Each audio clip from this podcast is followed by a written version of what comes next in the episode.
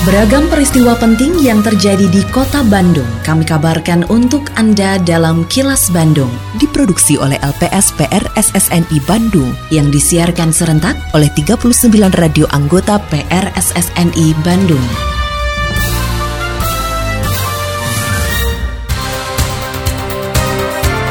Sejumlah informasi aktual kami hadirkan untuk Anda dan inilah informasi utamanya.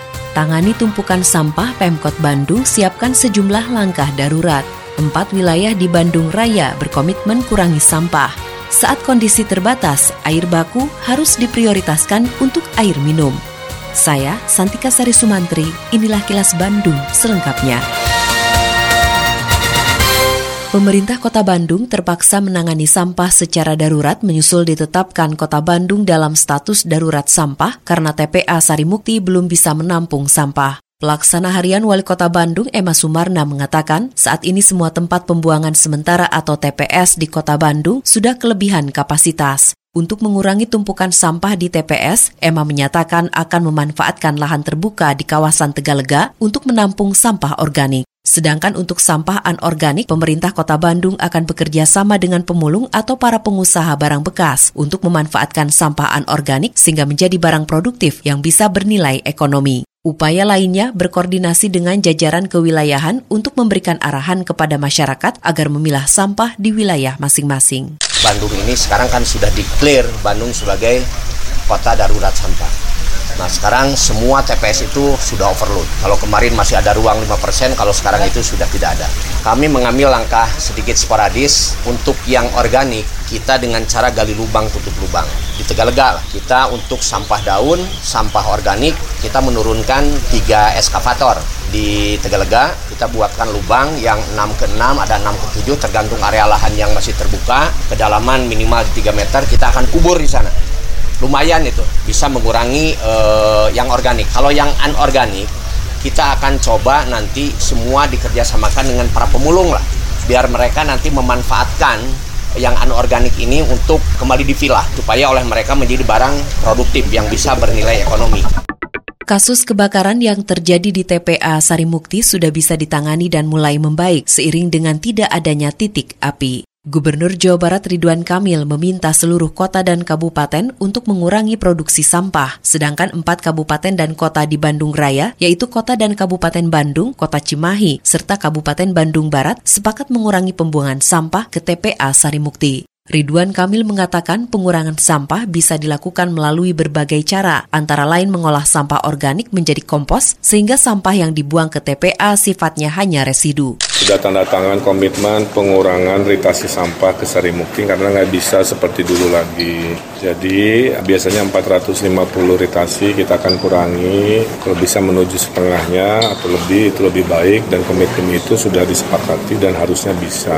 Dengan cara masyarakatnya juga diedukasi untuk mengurangi sampah, mengolah sendiri misalkan bisa dibuat kompos. Nah kedaruratan ini masih berlangsung sampai dinyatakan selesai. Per hari ini titik api sudah tidak ada hanya sisa-sisa asap mudah-mudahan dalam waktu dekat itu bisa beres. Suara DPRD Kota Bandung. Anggota Komisi C DPRD Kota Bandung Iman Lestariono mendorong masyarakat untuk mulai meningkatkan kesadarannya dalam memilah sampah sejak dari rumah tangga. Menurutnya hal ini perlu dilakukan untuk mengurangi volume sampah yang dibuang ke TPS. Meski begitu, politisi PKS ini menyatakan dinas terkait perlu memfasilitasi agar masyarakat mau menyelesaikan persoalan sampah sejak dari sumber. Oleh karenanya, Iman menyatakan akan berupaya melalui APBD perubahan supaya dinas terkait mengalokasikan anggaran untuk menyiapkan perlengkapan untuk memfasilitasi kesadaran masyarakat memilah sampah. Iman mengatakan berbagai upaya yang bisa dilakukan masyarakat dalam memilah sampah, antara lain dengan membuat lubang biopori, juga lodong sesa dapur atau loseda. Harus didorong pertama, masyarakat harus bisa menyelesaikan sampah di lebar rumah. Dan ini udah sebetulnya dari dulu ya kebijakannya, cuman karena memang semua nggak serius ya, hmm. saya pikir dari pemerintah kotanya dan juga dari masyarakatnya belum bisa merubah habit. Ke depan mau nggak mau harus dipaksakan Nah, tapi kan harus difasilitasi. Masyarakat nggak bisa begitu saja memisah memilahkan sampahnya, mengolah sampahnya kalau tidak difasilitasi. Fasilitas nah, saya akan mendorong sih, di APBD perubahan ini ya mudah-mudahan dari DLH bisa segera membuat perlengkapan lah untuk masyarakat. Kalau dulu kan dengan semacam biopori, kemudian juga dengan loseda, itu sebetulnya mungkin di pekarangan-pengarangan rumah satu rumah bisa minimal punya dua aja. Hmm. Itu sebetulnya bisa selesai gitu ya. Nah, kalau yang tidak punya pekarangan berarti kan ini harus ditarik ke hmm. skala yang lebih luas, apakah skala RT atau skala RW atau skala kelurahan kecamatan. Nah, hanya pengalaman yang lalu itu kan waktu zamannya RK itu ya tidak dirawat iya. lubang-lubang telepon itu. Kini, audio podcast siaran Kilas Bandung dan berbagai informasi menarik lainnya bisa Anda akses di laman kilasbandungnews.com.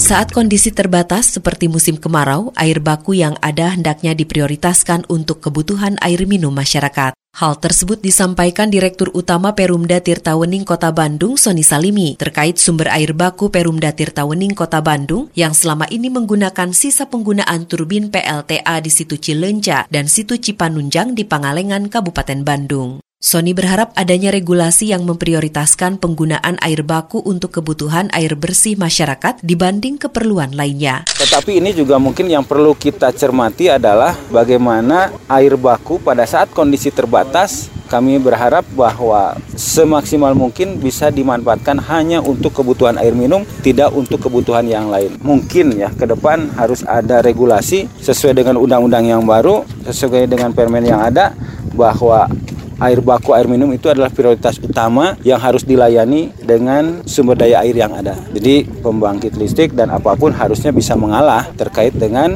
e, kebutuhan air minum masyarakat di Kota Bandung.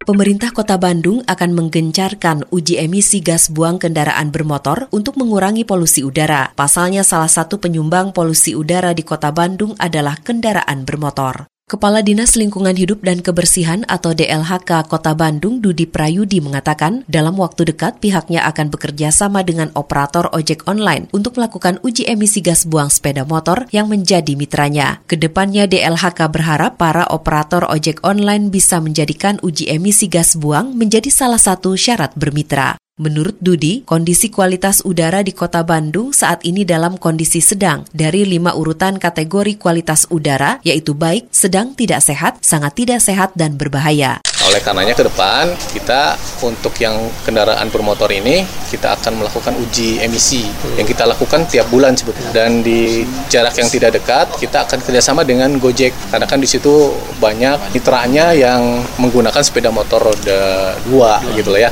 Nah, kalau kita bisa mendapatkan uji emisi sebanyak mungkin nanti bisa kita kelihatan mana kendaraan-kendaraan yang sudah lulus uji emisi mana yang belum.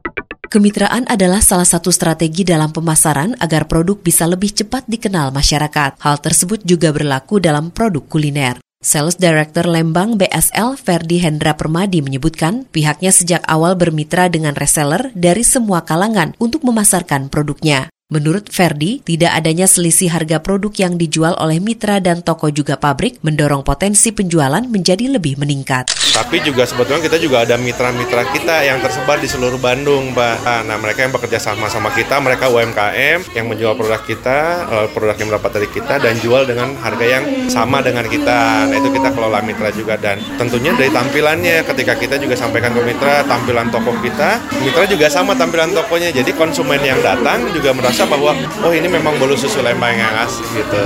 Ini bolu susu Lembang sesungguhnya. Seorang ibu rumah tangga berinisial NWP harus berurusan dengan polisi karena berupaya menyelundupkan narkotika jenis sabu ke dalam lembaga pemasyarakatan atau lapas. Sabu tersebut disembunyikan oleh tersangka di dalam sepatu dan organ vitalnya. Kasat Narkoba Polrestabes Bandung AKBP Fauzan Syahrir mengatakan pelaku menyelundupkan sabu ke dalam lapas untuk diberikan kepada suaminya yang menjadi warga binaan. Untuk yang wanita harusnya sudah dua tahun melakukan peredaran, namun bukan eksklusif suaminya berada di salah satu lapas di wilayah Jawa Tetap jaga kesehatan diri dan keluarga dengan terus menerapkan perilaku hidup bersih dan sehat. Meski pemerintah sudah menetapkan status pandemi COVID-19 di Indonesia berakhir dan mengubah COVID-19 menjadi penyakit endemi di Indonesia. Terima kasih Anda telah menyimak kilas Bandung yang diproduksi oleh LPSPR SSNI Bandung.